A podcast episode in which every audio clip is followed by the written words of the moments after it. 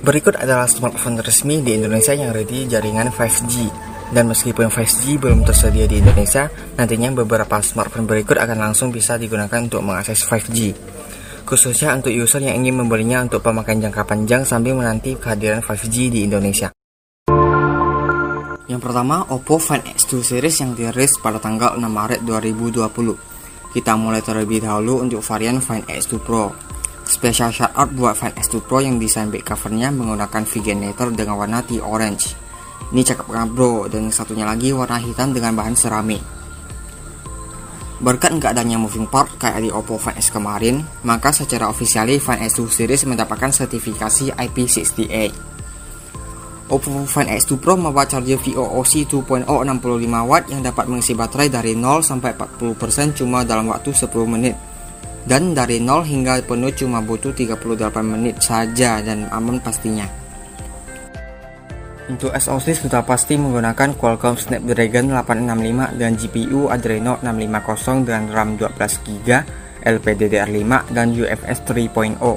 Size layar 6,7 inci curved display dengan panel OLED beresolusi QHD+ 120Hz dengan perlindungan Corning Gorilla Glass 6 untuk kamera utama yakni 48 megapiksel f1.7 dengan OIS, ultrawide 120 derajat 48 megapiksel f2.2. Kamera telefoto dengan periskop 13 megapiksel f3.0 dengan hybrid zoom sampai 10 kali plus OIS serta dengan kamera selfie 32 megapiksel f2.4. Untuk kapasitas baterai sebesar 4260 mAh mendukung SuperVOOC 65 watt operating system ColorOS 7.1 based on Android 10. Perangkat ini dirilis dengan harga 17.999.000 dengan RAM 12GB plus 512GB internal storage. Kita beralih ke adiknya yakni Fan X2. Fan X2 tersedia dalam dua varian yakni Black Ceramic dan Ocean Glass serta dengan beberapa perbedaan antara Fan X2 Pro yakni di konfigurasi kamera, kapasitas baterai, dan storage dan juga tidak hadirnya varian letter di Fan S2 ini.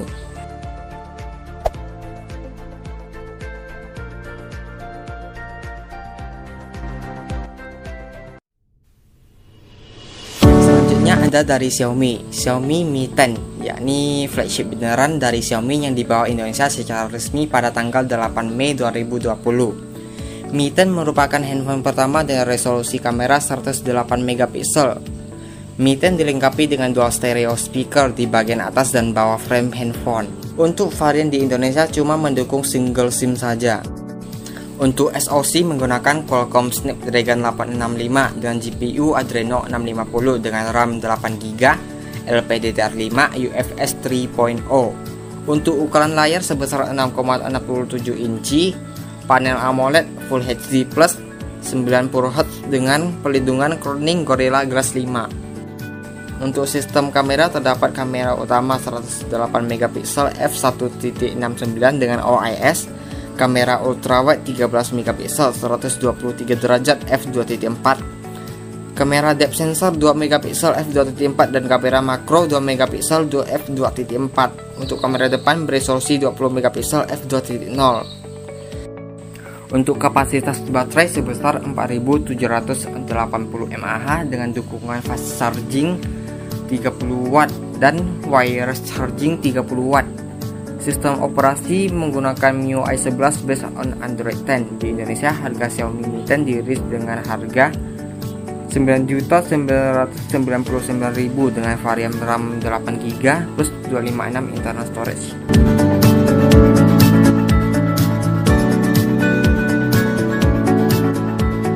Dan yang selanjutnya yakni handphone gaming dari Xiaomi atau sub brandnya dari Xiaomi yaitu Black Shark 3 yang dirilis pada tanggal 2 Mei 2020 dengan penjualan perdana secara pre-order di blibli.com dengan beberapa bonus untuk 50 pembeli pertama yang akan mendapatkan power bank, fan cooler, kabel pengisian daya magnetik, dan fan frame. Untuk sistem on chip menggunakan Snapdragon 865 dengan GPU Adreno 650 RAM 8GB, LPDDR5, UFS 3.0. Untuk ukuran layar sebesar 6,67 inci beresolusi Full HD Plus dengan panel AMOLED dengan refresh rate 90 Hz. Untuk konfigurasi kamera yaitu 64 megapiksel kamera utama f1.8, kamera ultrawide 13 megapiksel f2.3 dan kamera depth sensor 5 megapiksel f2.2 serta dengan kamera selfie 20 megapiksel f2.2. Untuk kapasitas baterai sebesar 4720 mAh dengan fast charging sampai 65 watt dan support magnetic charging 18 watt. Black Shark 3 dirilis di Indonesia dengan harga 10.999.000 dengan varian RAM 8GB dan internal storage sebesar 128GB.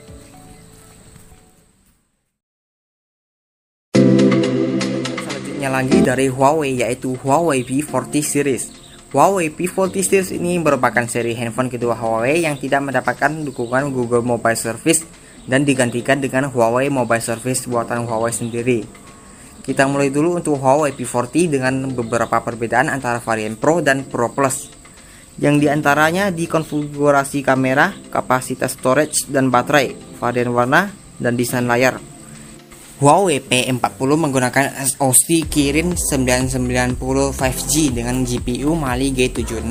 Untuk ukuran layar 6,1 inci flat display dengan panel OLED Full HD Plus dengan refresh rate 90 Hz untuk kamera utama 50 megapiksel f1.9 plus OIS, ultrawide 16 megapiksel f2.4, telefoto 8 megapiksel f2.4 dengan 3 kali optical zoom plus OIS. Untuk kamera depannya 32 megapiksel f2.0 dan IR kamera. Untuk kapasitas baterai 3800 mAh dengan dukungan Huawei Supercharge 22,5 watt serta dengan OS EMUI 10.1 based on Android 10 untuk semua Huawei P40 series. Dan Huawei P40 dirilis dengan harga 8,99 juta untuk varian 8 plus 128 internal storage dengan varian warna Silver Frost. Next yaitu Huawei P40 Pro yang menggunakan SoC Kirin 990 5G dengan GPU Mali G76. Untuk ukuran layar berukuran 6,58 inci dengan refresh rate 90 Hz yang beresolusi 2640 x 1200 pixel.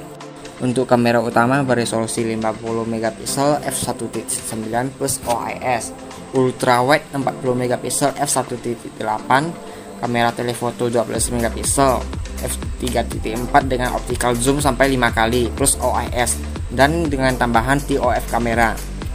Untuk kamera depan 32 megapiksel f2.2 plus kamera IR 3D sensor. Untuk kapasitas baterai 4200 mAh dengan fast charging 40 watt dan wireless charging 27 watt. Untuk harga berada di angka 14.999.000 untuk varian RAM 8 plus 256 internal storage dan tersedia dalam varian warna Deep Sea Blue dan Silver Frost.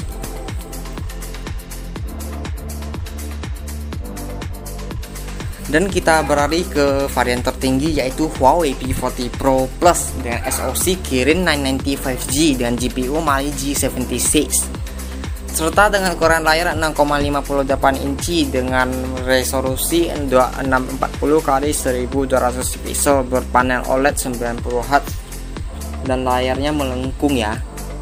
Untuk kamera utama menggunakan konfigurasi penta kamera yakni dengan kamera utama 50 megapiksel f1.9 plus OIS kemudian ultrawide 40 megapiksel f1.8 kamera periskop telefoto 8 megapiksel f4.4 dengan 10 kali optical zoom plus OIS atau optical image stabilization. Kemudian ada kamera telefoto 8 megapiksel f2.4 dengan 3 kali optical zoom.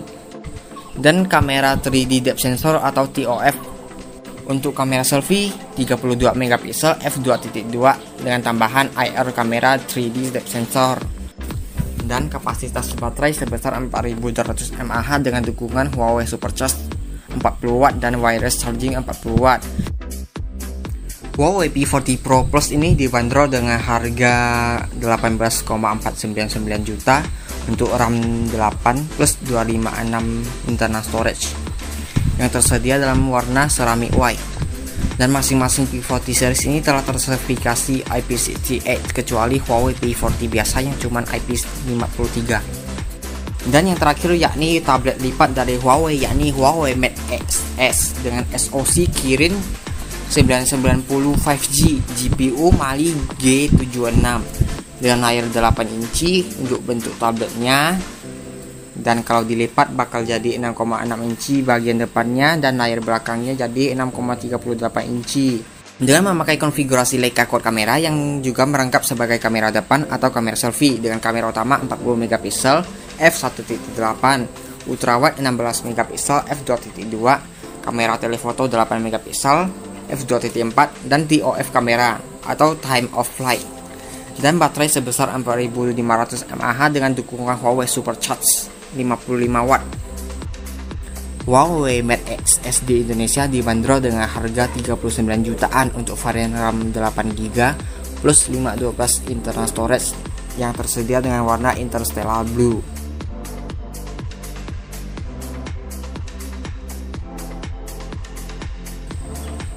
Dan itu dia handphone resmi di Indonesia yang sudah ready 5G dan rata-rata dari semuanya masih di kelas high end. Dan sebenarnya Samsung juga ada varian 5G-nya cuma nggak dimasukin ke Indonesia. Macam S20 series yang sudah bisa 5G, Note 10 Plus 5G, S10 Plus 5G dan dari Xiaomi juga ada Mi 10 Lite, Poco F2 Pro dan kawan-kawan. Dari Vivo ada Vivo X50 5G, Vivo S6 5G, dari Realme ada Realme S50 Pro 5G dan nanti bakal masuk ke Indonesia untuk yang kelas menengah maupun kelas entry level. Lihat aja nanti